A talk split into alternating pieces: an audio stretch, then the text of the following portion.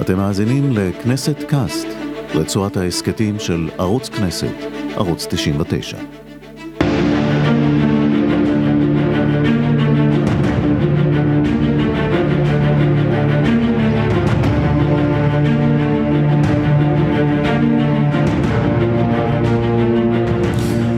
שלום לכם, מלחמות היהודים הוא שם אה, ספרו המפורסם של יוסף בן מתתיהו, יוספוס פלביוס, על אודות המרד הגדול שניהלו היהודים נגד הרומאים.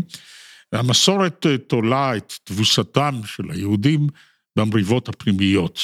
אנחנו לווינו את השם מלחמות היהודים כדי להכתיר בו את סדרת ההסכתים העוסקים במאבקים פנימיים שניהלו היהודים בינם לבין עצמם במשך אה, כל תולדותיהם, משחר היות העם היהודי. אבל שיחתנו הפעם תעסוק בפרשה העיקרית שבה עסק יוסף בן מתתיהו, והיא המרד הגדול של היהודים נגד הרומאים, ובסופו חורבן בית המקדש, בקיצה של שארית הריבונות היהודית בארץ ישראל למשך 1877 שנים, עד 1948. אנחנו נתמקד במלחמות הפנימיות בין היהודים שהתחוללו בעת ובעונה אחת נגד המרד, נגד השליט הזר. ובן שיחי הוא הפרופסור יונתן פרייס מאוניברסיטת תל אביב, שתחומי מחקרו הם תולדות יוון ורומא, ההיסטוריוגרפיה של העמים האלה, ובכללה כתביו של ההיסטוריון היהודי, שבלעדיהם, בלי הכתבים האלה, היינו יודעים אך מעט. והכוונה היא כאמור ליוספוס פלביוס או ליוסף בן מתתיהו. שלום לך ותודה שבאת אלינו. שלום, שלום. אז המסורת היהודית, אה, בעיקר כאשר אנחנו אה, רבים בינינו לבין עצמנו, אה, ומזהירים את עצמנו מפני החרפת המתיחות בין הסיעות בעם היהודי בימינו, כן. אנחנו אומרים על קמצא ובר קמצא חרבה ירושלים. זהו סיפור מן התלמוד על מריבה בענייני נימוסים והליכות שפרצה בירושלים בתקופת המרד. אז כל תזכיר לנו את הסיפור הזה. אה, של... אה, פרצה ופרצמצה, שנדע על מה מדברים, כי זה מילים בארמית. זה סיפור על אה, אדם אחד שלא הזמין יפה את רעו, ומזה התפתחה מריבה איומה ונוראה. נכון. אבל האמת היא אחרת, האמת היא שלא בגלל נימוסים והליכות אה, התפרצה, התפרץ, התפרצה המריבה הפנימית. מה היה בין היהודים באותה תקופה? אנחנו מתכוונים ל-76 אחרי הספירה עד 70 כשנופל הבית, ארבע השנים האלה, אבל המריבות פרצו עוד קודם לכן. מה הם הסיעות בעם היהודי? אכן כך. אה, ורציתי להגיד גם ש, שלמרות שהסיפור של קמצא ובר קמצא הרי מסתובב סביב אה, דבר קטן ביותר, האמת היא שה, שהפערים בין הקבוצות והסיעות והכיתות של, של היהודים היו עמוקים מאוד. אמ, עכשיו, בשישים השנים לפני פרוץ המרד, התרבו בארץ יהודה, ביודעה, אה, סיעות, סיעות פוליטיות דתיות. בדרך כלל כל הסיעות האלו היו מאורגנות אה, בצורה אה, דומה סביב דמות אה, כריזמטית, לעיתים רבות ברוב הזמנים המשיחית, שטענו פחות או יותר אותו דבר, שאין לקבל את מרותם של הרומאים, לפרוק את העול, אבל הם גם רבו בינם לבין עצמם על ה... על הפירוש הנכון של נבואה שמצפה לקץ הימים. והאמת היא שה, שהאוכלוסייה היהודית לפני פרוץ המרד היה, הייתה מחולקת להרבה צורות. סיעות שונות עם, עם מנהיגים משיחיים שרבו והתחרו זה בזה. כיתות כמו פרושים, מסיעים וצדוקים, אה, שכל אחד הייתה השקפה אה, אה, דתית שונה. מעמדות, האסטרוקרטים מול המעמדות הפשוטים יותר. כלומר, העם היה, היה מחולק באופן חמור, והחלוקות האלה רק הלכו והחמירו עם הזמן. עכשיו, מה ששונה מהסיפור של קמצא ובר קמצא, שהדברים שרב עליהם היו לא קטנים. אלא גדולים. בעצם מה שאנחנו רואים בשישים השנים שקדמו למרד, זה היעלמות או, או התפרקות של, של מוסכמות, המוסכמות שעליהן חברה נשענת, שעליהן נברא נוסדה. במיוחד המוסכמות על המושגים הבסיסיים ביותר, למשל, מה זה, מה זה חבר ואויב, מה זה צדק, מה זה חירות, מה זה מסירות למדינה. כלומר, המוסכמות האלה בעצם הלכו והתפרעו וקיבלו פירושים שונים. וזה הרי, אני חושב, אפיין את האוכלוסייה היהודית והביא אותה למרד ברומאים, וזה מש, זה גם, אני חושב, הסיבה של כישלון היהודים ברומאים במרד, שנמשכה כמובן ארבע שנים. מתי מתחילה ההתפצלות הזאת? המזרח התיכון משתנה בערך ב-333, כאשר אלכסנדר מוקדון כן. פורץ מזרחה, מגיע עד גבול הודו, וגם כובש את ישראל, מיד כן. אחרי מותו הממלכה מתחלקת לשלוש, שלושה דיאדוכים, שלושה מושלים, כן. ומשעה זו ואילך, הממלכה היהודית נאבקת עם בעיקר אחת מן הממלכות האלה, mm-hmm. הממלכה שיושבת מצפון לה, הממלכה הסילבקית. ובסופו של דבר, כתוצאה ממערכת אה, אה, פוליטית מצליחה, בנת מזל, מצליח יהודה ואחיו מצליחים לבנות פה איזו ממלכה. הממלכה הזאת תתחילה להיות הלניסטית ומושחתת מיד. מהר מאוד הרומאים מפציעים מכיוון מערב. הם כובשים את יוון, ובעצם העולם ההלניסטי הזה הופך לעולם מושפע מהתרבות הרומאית. אבל זו מין תערובת של שתי תרבויות אליליות שקרובות מאוד זו לזו. כן. מתי מתחיל התופעה הזאת, היוונית-רומית, להשפיע על התפיסה התרבותית היהודית? באיזה שלב?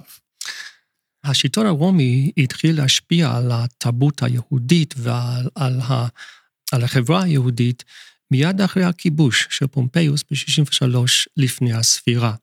האמת היא שאפשר לראות את כל, ה, כל תולדות היהודים בתקופה שעכשיו ציינת כמין היסטוריה של מחלוקות בין יהודים. Uh, אני חושב שהמרד החשמונים היה מין uh, מלחמת פנים, מלחמת אזרחים, שסיעה אחת ניצחה... זאת אומרת, העניין מתחיל כבר 300 שנה קודם. נכון, נכון. אז, אז הם כמובן תפסו את השלטון, uh, חיסלו אה, בצורה זאת או אחרת את, ה, את היריבים או האויבים שלהם, ובעצם הצליחו להקים שלטון יציב. אני לא חושב שהשחיתות, כפי שאתה אומר, אה, אה, התחילה מיד. הרומאים הרי כבשו את האזור ב-63' וניצלו כאמתלה את המחלקות בין יהודים. כן. הם כאילו נכנסו כדי לחזק צד אחד, צד לגיטימי. לגיטימי זה גם מילה מאוד מאוד אה, לא ברורה או יציבה, כן? זה פשוט תלוי מי, מי אומר אותה. והם הם, הם לא רצו אה, מיד להשליט שלטון ישיר, כלומר, רצו לשלוט דרך השליטים המלוכים, או בין שהם מלאכים, חשמונאים, בין שהם הורדוס מלך, והאמת היא שהורדוס עשה את מה שהתבקש ממנו, הוא ייצב את, הוא בעצם הקים שלטון יציב, חזק, שהיה יכול um, uh, uh, או לחסל או לשלוט בכל, uh, בכל התנג, התנגדות לשלטון שלו וגם לשלטון הרומי, הפטרונים שלו. אחרי מותו... אבל הורדוס הוא עדיין יהודי. הוא עדיין יהודי. הוא, הוא, זאת אומרת, הוא אדומי מומר. משפחתו. לא, לא, לא, לא, אבל הוא יהודי הוא יהודי. דבר, לכל דבר, הוא הציג את עצמו ככה, והוא גם אה, נחשב כיהודי על ידי הפטרונים שלו, הרומאים, יהודי לכל דבר, והם שלטו, הרומאים שלטו ביהודיה דרך מלך יהודי לכל דבר, הורדוס, הורדוס כן. המלך. עכשיו, אחרי מותו, אה, הרומאים נאלצו לח, אה, אה, לחלק את, את הממלכה שלו בכמה חלקים בין בניו, בניו ששרדו את כל הרציחות שלו, ובמיוחד המקום, ש, שהאזור שבה ישבה ירושלים, יהודיה, יהודה, ארץ יהודה, יהודיה, הייתה מאוד לא יציבה. אז אכילאוס, אכילאוס הבן של הורדוס אה, הופקד על האזור, והוא נכשל כישלון גדול, ו, והוא, וסולק על ידי הקיסר אוגוסטוס בשנת שש. בשנת שש, הרומאים כדי לסדר את ענייני האזור, הרי ערכו מפקד עם מפורסם, מפקד עם מפורסם שמוזכר גם על ידי יוספוס, גם בברית החדשה, במקורות אחרים, וזה היה סימן um, לקבוצות מסוימות באוכלוסייה היהודית, שהנה, מרות רומית um, הקשה שאי אפשר לסבול אותו, יש לפרוק את העול של ה... מדוע המפקד קומם את היהודים? מפני שהמפקד סופר יהודים, דבר שאסור, וגם, וגם uh, מקים את ההסדר לגבות מיסים. כן, לגבות מיסים. זהו, זה, כן, זה, זה בעצם המטרה העיקרית של מפקד עם, כן, אז uh, uh, לסדר את המיסים באזור. עכשיו, באותה שנה קם איש בשם יהודה, יהודה הגלילי, כן, ו, ו, והקים קבוצה ש, שלעתיד יהיה הסיקריים, אחת הסיעות הגדולות והחשובות שהשתוללו ביודעה, כן, בשנים שקדמו למרד, וטען שאין לקבל את מרותם של הרומים בשום אופן. יוספוס אומר שהוא היה אה, פרושי לכל דבר, חוץ מזה שהוא לא היה יכול, הוא לא היה מוכן לקבל את, אה, את השלטון הרומי. עכשיו, אני חושב ש... ומאז uh, הלכו והתרבו הסיעות השונות שטענו דבר דומה. אני רוצה להגיד עוד דבר, uh, אבל אני חושב שהשורשים שם היו תמיד שם.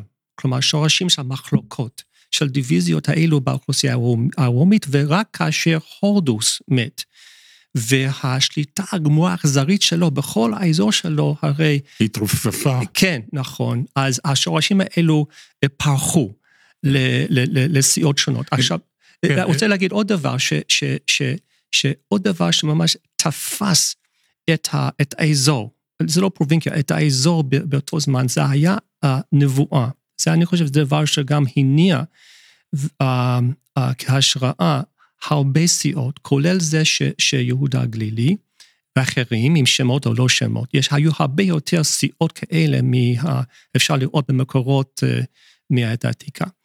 אבל הייתה נבואה, יותר מנבואה אחת, נבואה עיקרית שנמצאת בספר דניאל, ודאי אתה מכיר אותו, זה בעצם החלום של המלך שדניאל פירש.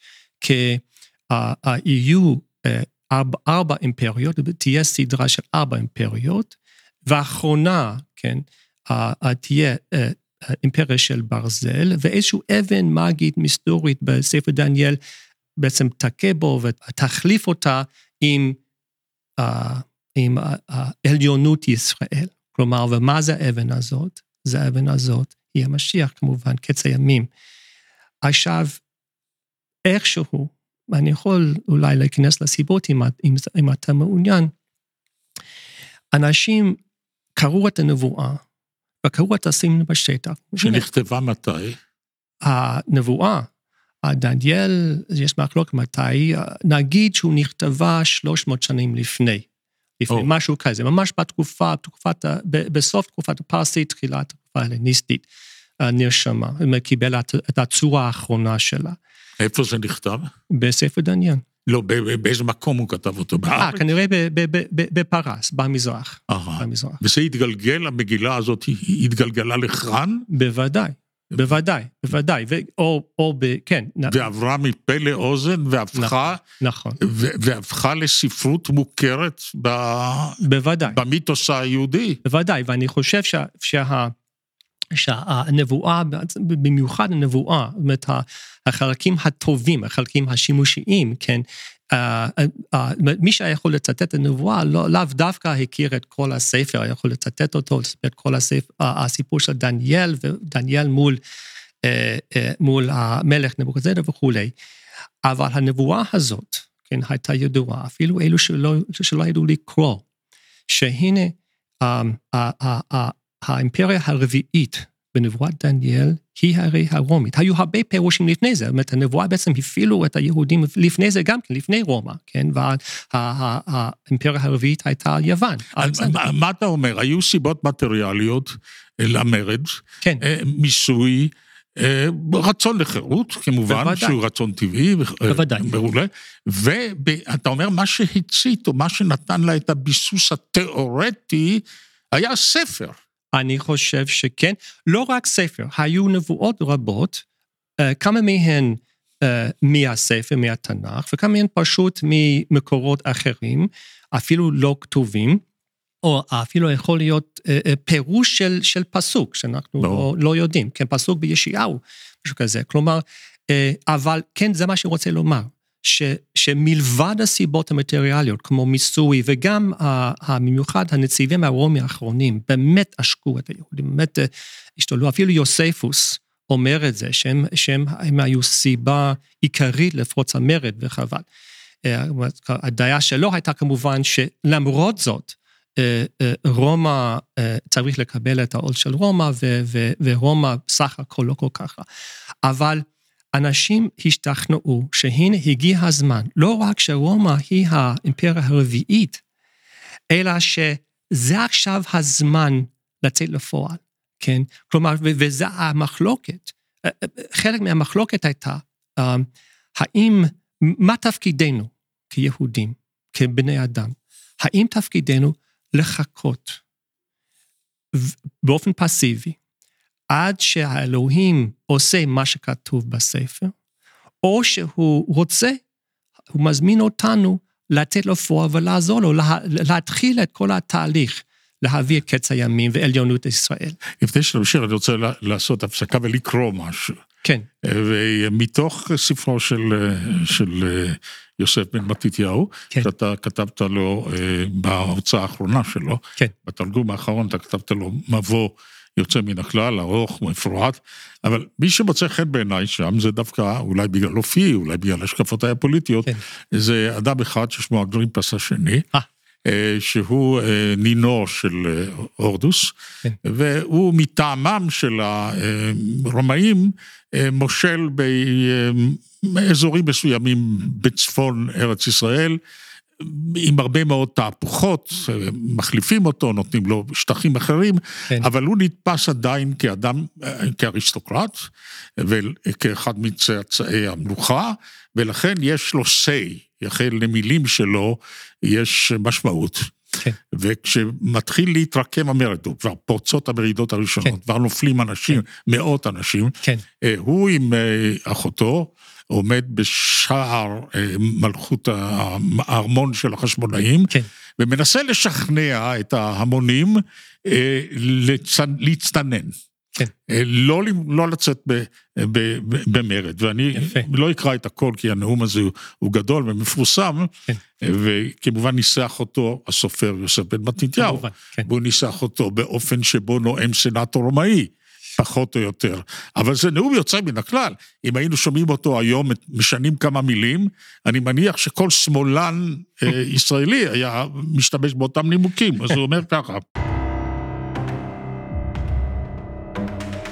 לו ראיתי שכולכם להוטים לצאת למלחמה ברומאים, בלולא ראיתי כי הטהורים והישרים שביניכם נוטים לחיי שלום, כי אז לא הייתי מתייצב בפניכם. ולא הייתי עוזר עוז להשיא לכם עצות, שכן אין טעם בדיבורים על הדרך הנכוחה, כאשר השומעים נוטים כאיש אחד לדרך הרעה. אך יש ביניכם צעירים הנמשכים אחר המלחמה, כי עדיין לא התנסו בנוראותיה. את מקצתכם מעודדת תקווה חסרת שחר להשיג מחדש את החירות. ואילו אחרים דוחפות תאוות בצע והציפייה להתעשר מעושק החלשים אם יתמוטטו סדרי הממשל. לכן, כדי שאנשים אלה יתפכחו וישנו את דרכם, וכדי שהרבים הטובים לא ייפגעו מעצתם הרעה של, המעט, של המעטים, ראיתי חובה לעצמי לכנס אתכם ולומר לכם מה שלדעתי יהיה לטובתכם. אל נא יפריע לי איש, גם אם דבריי לא יערבו לאוזניו. אלה הלהוטים אחרי המרד שאין להשיבה מדרכם עוד, עלולים להתמיד בשלהם גם אחרי שישמעו את התרעתי. אך דבריי לא יישאו פרי אף בקרב המבקשים להקשיב, אם לא יאזינו לי הכל בשקט.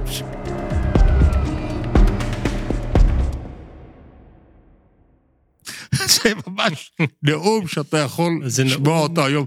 מדהים, נכון? נאום נפלא. אה, ואני... אבל לא עזר לו. לא, לא, אני- זה לא עזר, לא, לא, לא, לא, ואני אני מאוד מעוניין במה שאתה אמרת, שזה נאום כי, כמו שסנטור רומי היה נותן. זה, בצד, במובן אחד זה, זה נכון, ואני חושב שה, שהנאום הזה היה מופנה חלקית לאוזן הרומית. כן, כמובן שיוספוס כתב אותו ברומא, והוא חשב תמיד, הקהל הקוראים הרומים, שכמובן כולם קראו יוונית בלי בעיה, ובאמת הוא הפנה חלקים של הנאום הזה לקהל הרומי, אבל לא רק. ויוספוס, אני חושב שהפיקחות של יוספוס, ואפילו הברקה של יוספוס הייתה היכולת לכתוב בשביל שני קהלים או יותר קנה יד באותו זמן.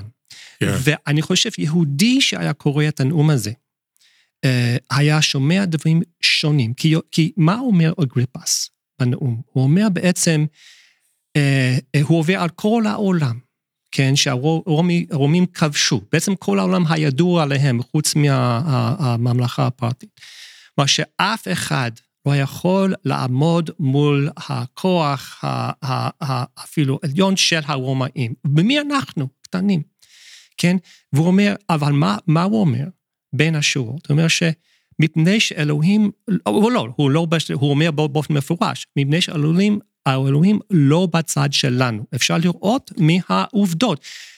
אבל זה כבר, זה כבר מחלוקת תיאולוגית, כן, שכבר... אלוהים עומד בצד שלהם. נכון, נכון. וזאת אחד הנושאים של המחלוקת התיאולוגית ש, שתפסה את האוכלוסייה היהודית לפני וגם אחרי המרד, כן? ואגריפס השני גם אומר עוד דבר מעניין. אה, אני יכול למצוא את הקטע בשבילך, הוא אומר גם, הוא לא אומר שאין להתמרד בכלל ברומאים, הוא אומר שזה לא הזמן. כן. כלומר, כלומר שאפילו הוא כיהודי מאמין, והוא ויוספוס לא כופרים ב- ב- ב- באמת שבתורה ותנ"ך וכולי וכתבי הקודש. הוא, הוא יודע שיגיע הזמן.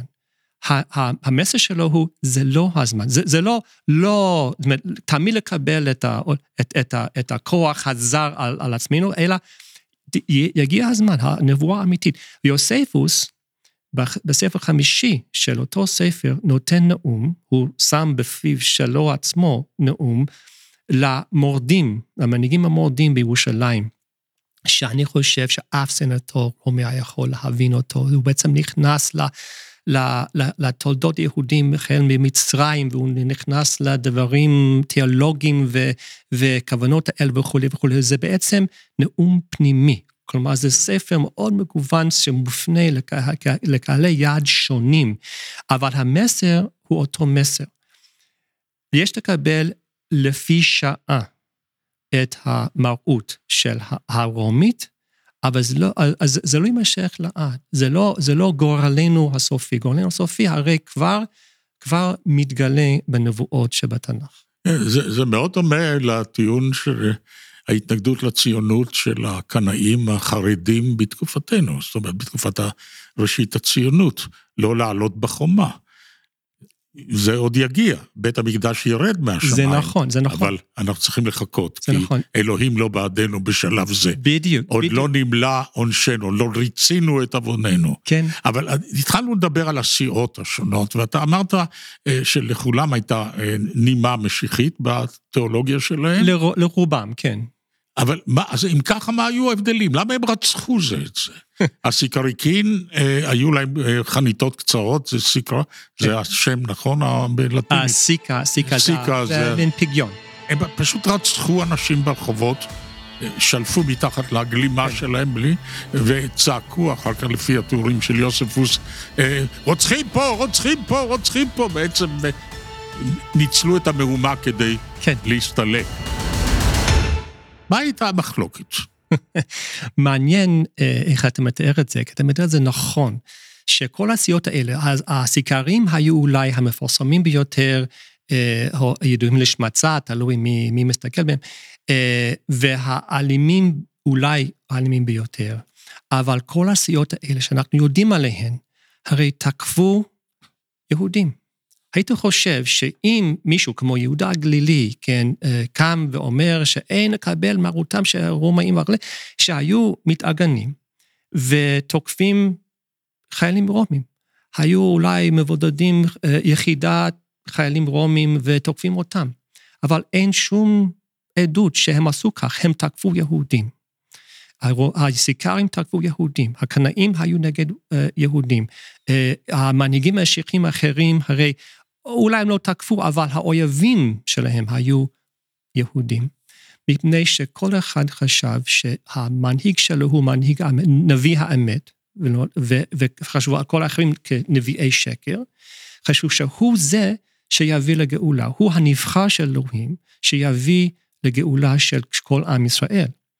עכשיו, אה, ולכן האויב הגדול ביותר, אפילו יוספוס אומר את זה בקטע מאוד מרגש בספר שביעי לפני המצור על מצדה.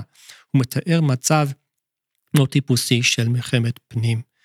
אה, כן, שכל אחד ראו את, את אחיו כאויב היותר מסוכן ויותר חריף, יותר חמור מהרומאים אפילו, כן? ואם אתה חושב שיש לך את האמת, ואתה, והאלוהים בחר בך כדי להביא את העם לגאולה שלמה. כל מי שמתחרה איתך וטוען אותו, אותו דבר לעצמו, הרי מה לעשות איתו? מי, מי הם הדמויות המרכזיות? Um, אנחנו יודעים מעט, uh, הסיקריים, הרי המנהיגים שלהם היו, uh, בעצם זה השושלת. מאז יהודה גלילי בשנת שש כן עד אל, אלעזר אה, בן יאיר, שהיה מנהיג הסיקרים במצדה ונפל איתם שם. וכל אחד הרי טען להיות אה, מין דמות משיחית, למשל מנחם, אה, שהוא נהרג בירושלים בשנת 66, רק ממש לפני פרוץ המרד, התלבש כמלך, סימן שהוא טען לתורה של משיח, כמלך משיח. אמ, אז אנחנו יודעים את המשפחה שהנהיגה את הסיקריים. הקנאים, כן, אה, שהם קיבלו את ההשראה שלהם מפנחס הקנאי, כן, בספר אה, במדבר, שפנחס ש... קינה את קינתי, כן, נכון? כן, שהרג את זמרי.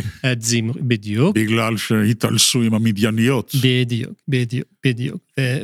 והוא קיבל כפרס אה, כהונת עולם, כן, כן. כן, כהונת עולם. אז עכשיו, המנהיגים שם, אנחנו יודעים מי הם היו, הם היו כהנים. בעצם הקנאים היו קבוצה של כהנים. בדרך כלל כהנים לא אריסטוקרטים, כלומר, הקנאים היו גם אה, תנועה דתית וגם תנועה חברתית, אנטי-אריסטוקרטית. אה, אחרים, אנחנו יודעים את שמותיהם. יוחנן מגוש חלב? יוחנן מגוש חלב היה קצת שונה. כי הוא הרי הגיע לירושלים עם, עם קבוצה של, של אנשי גליל, הוא בא מגוש חלב, אה, ואיכשהו אה, אה, משך לשורותיו את הקנאים ואחרים, אבל כנראה הוא לא היה מנהיג כריזמטי דתי, הוא, הוא התחרה פשוט על כוח mm. לירושלים. הוא היה, הוא היה חריג. אה, אבל אה, המנהיגים האחרים, אלו שאפילו לא הגיע למרד מפני שנפלו או נהרגו על ידי הרומאים או יהודים אחרים לפני זה, היו ישו אה, מנצרת, אמ, היה נביא מאוד מפורסם, עד כדי כך שהוא מוזכר בברית החדשה ממצרים, אנחנו יודעים את שמו, שלפי המקורות אסף סביבו 30 אלף איש, וטען שהוא עכשיו אה, יבקע את הירדן ויפיל את חומות ירושלים, והוא יגיע כמלך מה היה שמו? מה? מה היה שמו? אנחנו לא יודעים. לא יודעים. לא יודעים. האיש ממצרים, הנביא. כן, כן, כן, איש הנביא ממצרים, וגם עוד איש בשם תעודה, זאת אומרת, היו, יש שמות, אבל אין להם אה, משמעות בשבילנו. עכשיו, אה, כל אחד ניסה לתפוס חלקים מירושלים. כן, נכון. נכון. יש לנו, יש לנו אה, השערה כמה יהודים נקטלו על ידי יהודים? זאת שאלה טובה. בארבע השנים האלה? שאלה טובה מאוד. האמת היא שה... שנגיד, רק נדבר רק על, על, על עת המצור, כלומר, או, או שנה לפני המצור, כלומר, אה, בעצם כאשר המלחמה פרצה ב-66', הממשלה הראשונה של המדינה העצמאית היהודית, כן, הייתה בעצם אריסטוקרטית. חנן בן חנן, כהנים גדולים לשעבר, כהנים אריסטוקרטים, בעצם תפשו שלטון ועשו דיל, קואליציה עם הקבוצות האלה, מיליטנטיות, לא הסיקריקאים, סיקרים בעצם פרשו, אבל האחרים עשו עסקה עם ה... עם השלטון, עם האריסטוקרטים האלה, והם שימשו כצבא הרומי, היהודי. עכשיו, כעבור פחות משנה, הצבא הרומי, שהם היו בעצם, הסיעות האלה הפילו את הממשלה ותפסו את השלטון לעצמם, ומיד אחרי זה התחילו לריב uh, ולהילחם בינם לבין עצמם. עכשיו, במחלקות האלה, בשלב מסוים גם נכנס לעיר שמעון בר גיורא, עם קבוצה די גדולה ומגוונת, uh, והוא גם היה, היה כנראה uh, דמות משיחית. Mm-hmm. הוא הציג את עצמו כמלך, הוא לבש לבן, Uh, וכנראה uh, ששוחריו חשבו שהוא גם או נביא למשיח או למשיח עצמו. ובקרבות בירושלים, בש, במיוחד בשנה לפני שהרומים הגיעו בשנת, בפסח אה, שנת 70, נפלו כנראה עשרות אלפי יהודים. לא רק זה, אלא מקרה מפורסם, אה, בקרבות בתוך החומות של ירושלים, שרפו את כל מחסני האוכל. למה? מפני שקבוצה, סיעה אחת הייתה פולשת, כן, לטרף, כן, לאזור uh, uh, של הקציעה השנייה, שורפת את כל האוכל שלו וחזר. עכשיו, עד שטיטוס הגיע כדי לעצור על העיר, כמעט כל האוכל המאוחסן לפי, לפי המסורת חז"לית, זה היה מספיק ל-21 שנה, נשרף ונהרס. כלומר, שירושלים, לא רק שנפלו עשרות אלפי יהודים לפני זה, וזרקו את, ה, את הגופות מחוץ לחומות, אלא שהרעב שפקד את העם וגם קטל אלפי יהודים כבר התחיל. עכשיו, היה איזה מפקדה מאוחדת ברגע מסוים של כל הסיעות האלה, של כל סיעות הלוחמים? מה זאת אומרת? אה, זאת אומרת, אה, פיקוד משותף לא, לא, שתאם את לא, ההתנגדות אה, לרומאים. לא, לא. לכל היותר, הם, הם הסכימו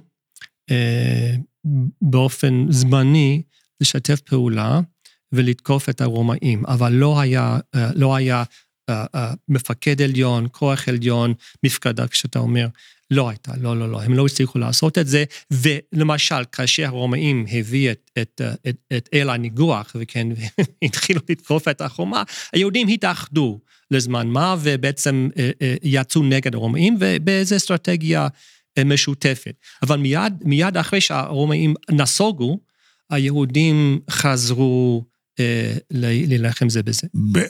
פה מתחילה הפרשה שהיא בעצם ראשיתה של היהדות המודרנית, יוחנן בן זכאי. כן. שעורק מתוך כן. ירושלים כן. הנצורה, כן. בתוך ארון, מתים, כן. ומכונן את, את, מקבל את יבנה ובנותיה, ושם בעצם מתחיל לבנות את יהדות התורה. נכון. אז האם הוא היה נציג של איזה קבוצה? זאת שאלה טובה. אה, זאת שאלה טובה. קודם כל אני רוצה להגיד על יוחנן בן זכאי, שבעצם הסיפור שלו, שמסופר בכמה גרסאות בסביבות חז"ל, מחזק ומאשר את הפרטים הכי לא נעימים בנרטיב של יוספוס. יש כאלו שמאשימים את יוספוס שהוא זייף את הכל, הוא לא זייף את הכל, בעצם החלים הכי קשים מקבלים אישור במסורות של חז"ל, כולל זה של יוחנן בן זכאי. זה שהעיר הייתה סגורה, שהוא הייתה צריך, כן, לדמות כמת כדי, כן, לעבור את החומה וכולי. עכשיו, הוא היה נציג רק של עצמו, יכול להיות שהוא היה פושי, כלומר, הפושים היו הקודמים של, של, של חז"ל. Um, אבל הוא לא, הוא לא ייצג אף קבוצה, אף סיעה, הוא ייצג את עצמו, כמובן, והיו לו תלמידים כמובן, אבל הוא, uh, היה לו חזון גדול, והוא ראה את העתיד, הוא ראה שה, שבית המקדש יחרב, ואיך להציל יהוד, את היהדות. וכמובן שהוא היה זה שראה שהעתיד של היהדות היא לא במקדש, אלא בבית מדרש. ולכן הוא, הוא ביקש את, את, את יבנה וחכמיה, כלומר בעצם בית המדרש. וממש ברגע זה, זה היה נקודת המפנה הקריטית ביהדות. יהדות הפכה עם חורבן הבית, אפילו קצת לפני זה, כי היו בתי כנסת לפני זה, אבל ברגע זה היהדות הפכה מלהיות אה, דת מבוססת במקדש וקורבנות, לדת מבוססת בבית כנסת ותפילות ומדרש ותלמוד תורה. זאת הלימוד. הלימוד. הלימוד בקבוצות. הלימוד, הלימוד. ויש אפילו תיאוריה שהלימוד הרי המשיך שליט של ההתגלות, כן. מה נותר אחרי שירושלים נפלה? ירושלים אחרי ככלות הכל הייתה עיר הבירה, אבל במונחים של אז הייתה עיר גדולה, אבל הייתה עיר קטנה בסך הכל, היא לא הייתה עיר ענקית. לא. רוב האוכלוסייה היהודית לא הייתה אורבנית, היא הייתה כפרית. ורובה איפה? במורדות הרי יהודה, או בהרי יהודה הדרומיים, mm-hmm. ובגליל. נכון. אז המסורת היהודית, בעצם הקיום היהודי נמשך בשני המקומות האלה. בגליל בעיקר. כן, נכון, במיוחד אחרי המרד, כן, כאשר...